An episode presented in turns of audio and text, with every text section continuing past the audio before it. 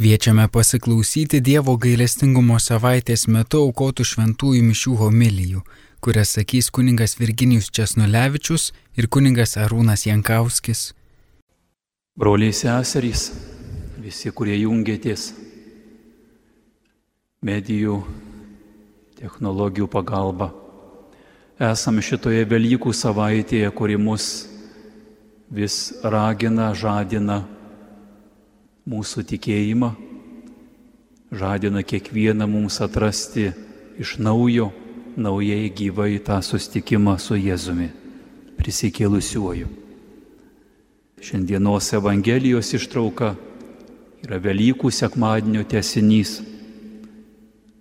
Jis mirė. Tas, į kurį Marija Magdalietė sudėjo savo viltį, kurį mylėjo, nebėra ką veikti, nebėra prasmės gyventi, viskas, jis mirė.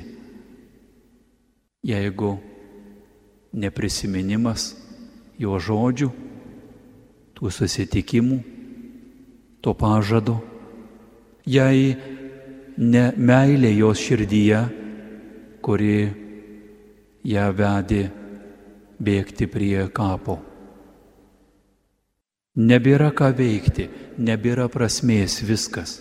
Kiek kartų girdžiu tuos žodžius jaunų žmonių lūpose. Kiek kartų girdžiu tuos žodžius, kurie jaučiasi įkalinti į kaliniai įvykių, aplinkybių, o ypač šiuo laiku, juk visas pasaulis ir mes esam kiekvienas įkalinti savo namuose, savo toj situacijai, kai negalim susitikti. Gal taip pat mumyse vis kyla tie žodžiai, nebėra ką veikti, viskas beprasmiška, viskas. Ar mes nesam šiandien tokie? Bet Velykų rytą akmuo nuo kapo buvo nuristas. Ateitis atvira. Pačioje pradžioje buvo panika, pažįstama ir mums, kai mes sutinkame tas situacijas, kurios mums yra netikėtos, kai tas situacijos, kurios ne pagal mano planą, ne taip, kaip aš noriu, ne taip, kaip įsivaizduoju, ar su mano gyvenimu, su mano artimaisiais, su visais įvykiais. Panika. Paėmė viešpatį iš kapo ir nežinau, kur padėjo. Atrodo, kad tai yra tik paprasta va ta žinia apie Jėzų. Paėmė viešpatį iš kapo.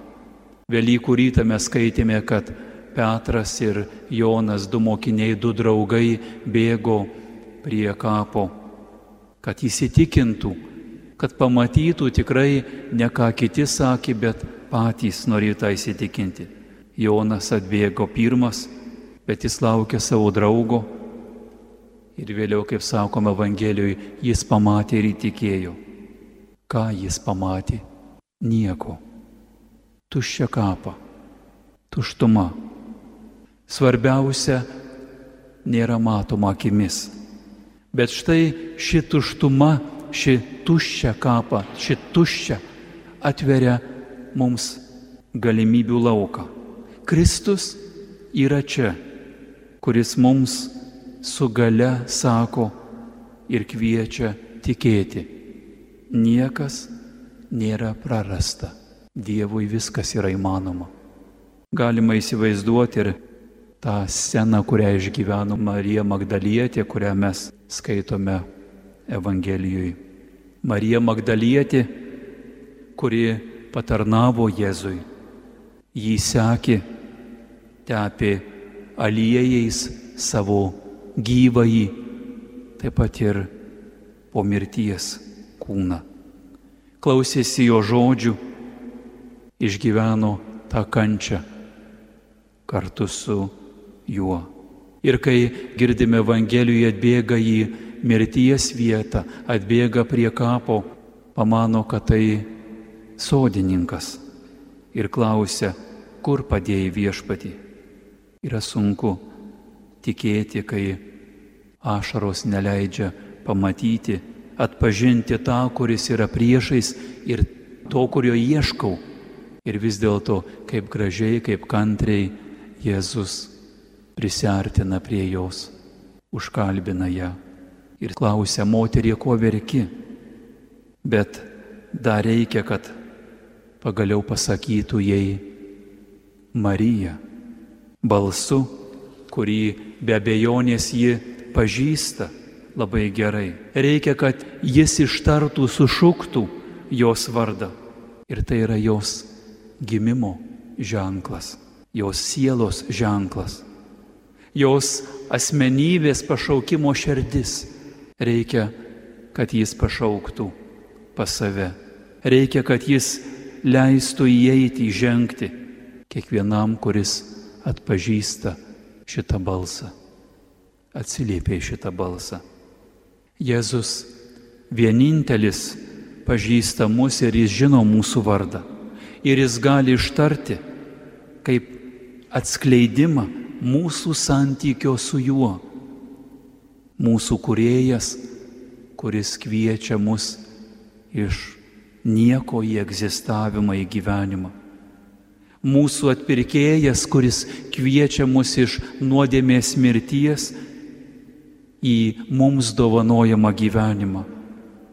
Pažinti savo vardą, tai pažinti tiesą apie save, tai pažinti savo asmenį. Ir Jėzus mums šiandien sako, kad tai yra gerojo ganytojo privilegija. Mes skaitome Jono Evangelijoje. Avys klauso jo balso. Jis šaukia savasias vardais ir jas išsiveda. Jis eina prieš akiją, o avys paskui jį seka, nes pažįsta jo balso. Pačiame išbandymų sukūryje, kas galbūt paliestas viruso, kas galbūt yra baimės dėl viruso, kas galbūt baimės dėl ateities, ar bus darbo, kaip bus su darbu, kokia bus ateitis. Kai atrodo įsiveržia liūdėsys, kai suparaližiuoja mus baimė, kai atrodo ašaros bėga mūsų akimis, veidu, Jėzus klausia manęs, tavęs, ko verki. Ko ieškai? Ko ieškai šiandien, broli sesė? Ir kaip Marijai, taip man, tau, kiekvienam iš mūsų, reikia turbūt praeiti tą tikėjimo kelią, atsivertimo, kaip klausė paštalo Petro žmonės, ką mes turim daryti. Sako, atsiverskite ir pasikrikštykite vardan Jėzaus Kristaus. Atsiverskite tas kvietimas nuolat kasdien atsiverti, atsigręžti Jėzų, ieškoti Jėzaus. Ir šitame kelyje, atsivertimo kelyje mes turbūt turim mokintis prarasti tai, ko ieškojau. Prarasti tai, ką aš branginau, prarasti tai, kas atrodė mano gyvenimo prasme ir laimi, tai, kas man suteikė ramybę prarasti, kaip Marija Magdalietė, negyvą kūną, gerybės ir malonumus, sveikatą, darbą, kad atrasti tą, kuris man duoda tai, ko trokštų. Begalinės meilės pilnatvė. Viskas lieka atvira. Krikščionybė tai yra viltis ateitimi tai yra mūsų ir viso pasaulio ateitimi. Krikščionybė tai yra tikėjimas žmogumi, žmogumi iš didžiosios raidės, taip kaip pilotas pasakė, štai žmogus, žmogumi, kuris įkvepia, palaiko ir niekada neuždaro durų. Ir ypatingai, kai mes prisartinam prie gailestingojo Jėzaus, kuris visada mūsų laukia, kokie mes bebūtume savo dvasinėme gyvenime. Galim ateiti kiekvienas prie to gailestingumo versmių.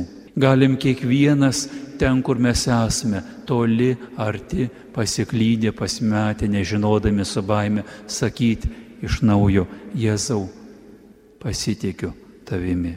Jis neuždaro durų, jis nepasmerkia. Krikščionybė tai tikėjimas vienu Dievu, kuris tapo žmogumi, kad mums parodytų visą mūsų pašaukimo didybę, pilnatvę. Krikščionybė tai yra gimimas, kuris turi tęstis per visą mūsų egzistenciją. Mūsų pačių gimimas vis naujai žmonėmis ir Dievo gimimas manyje, tavyje, mumyse vis iš naujo. Daugiau, pilniau, apščiau.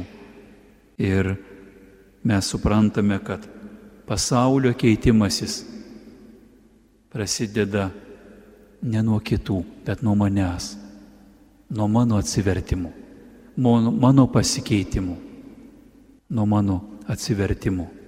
Iš tiesų, kaip XVII amžiuje pasakė Angelas Silezietis, jis sakė, Kristus galėjo gimti tūkstantį kartų Betlievėje, bet jeigu jis negims tavo širdyje, tai nieko nereiškia.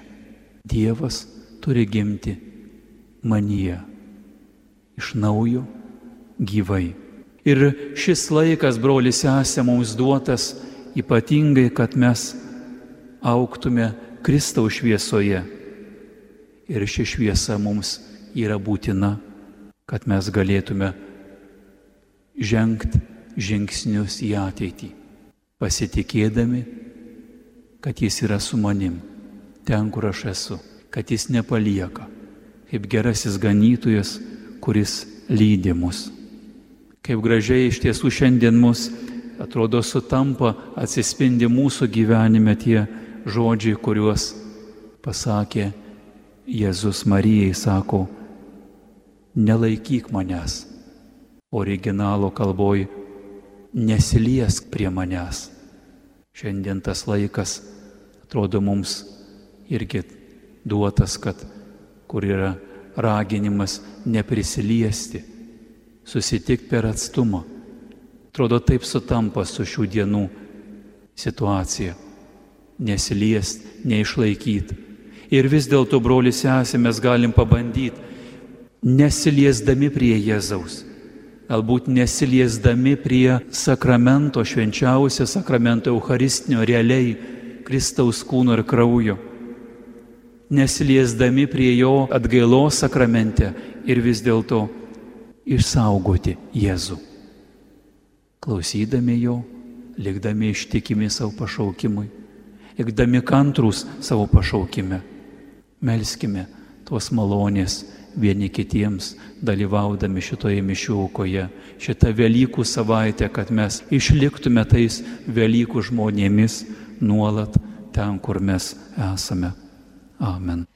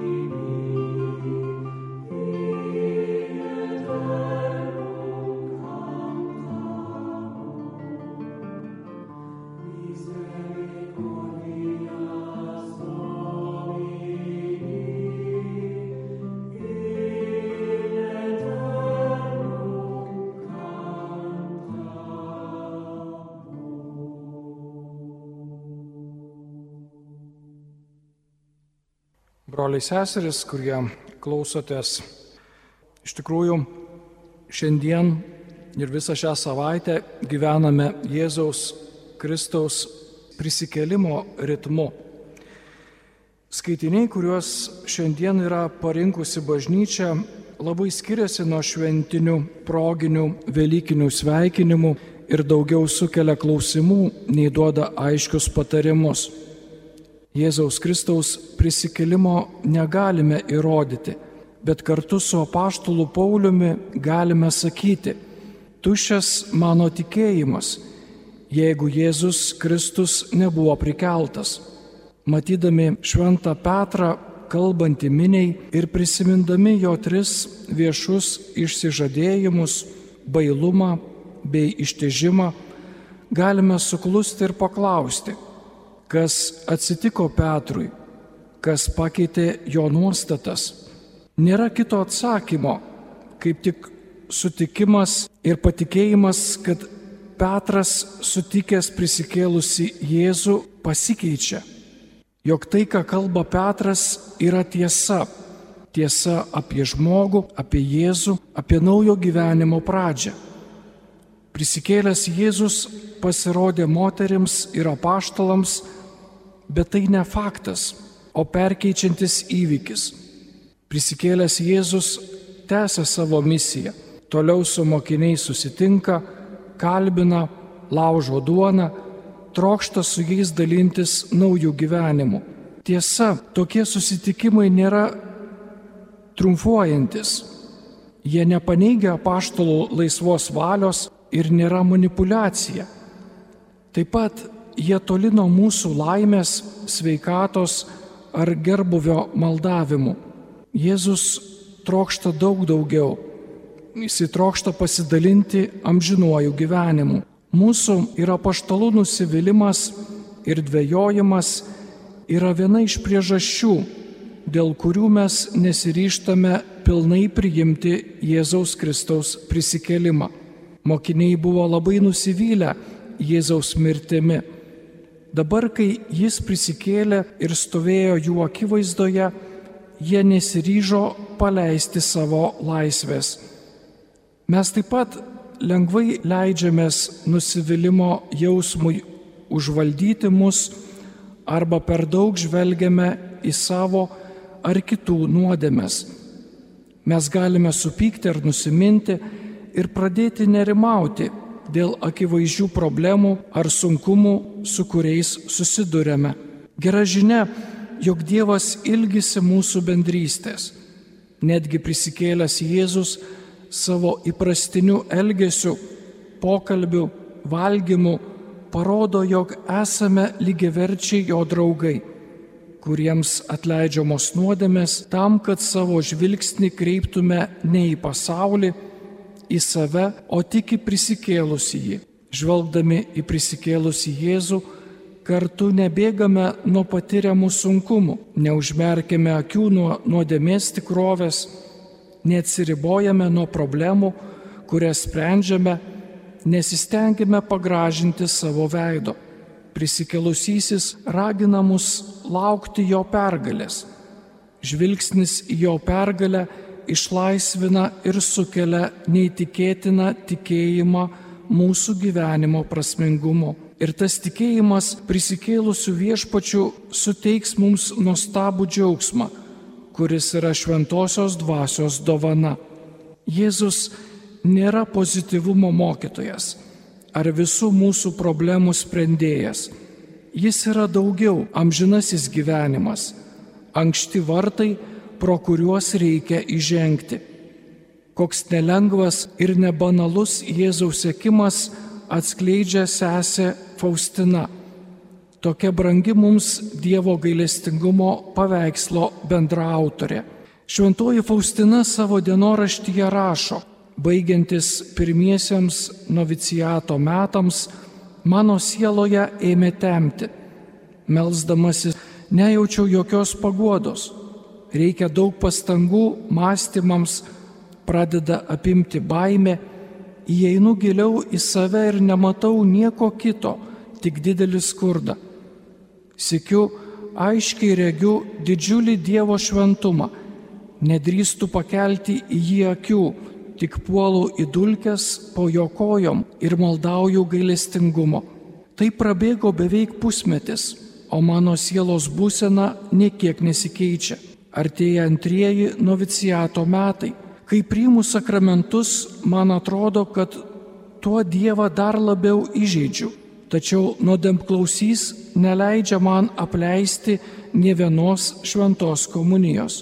Sesuo Faustina rašo, nuėjau prie švenčiausiojo sakramento ir pradėjau kalbėti Jėzui. Jėzau, tu sakai, kad greičiau motina pamirš savo kūdikį, negu Dievas savo kūrinį.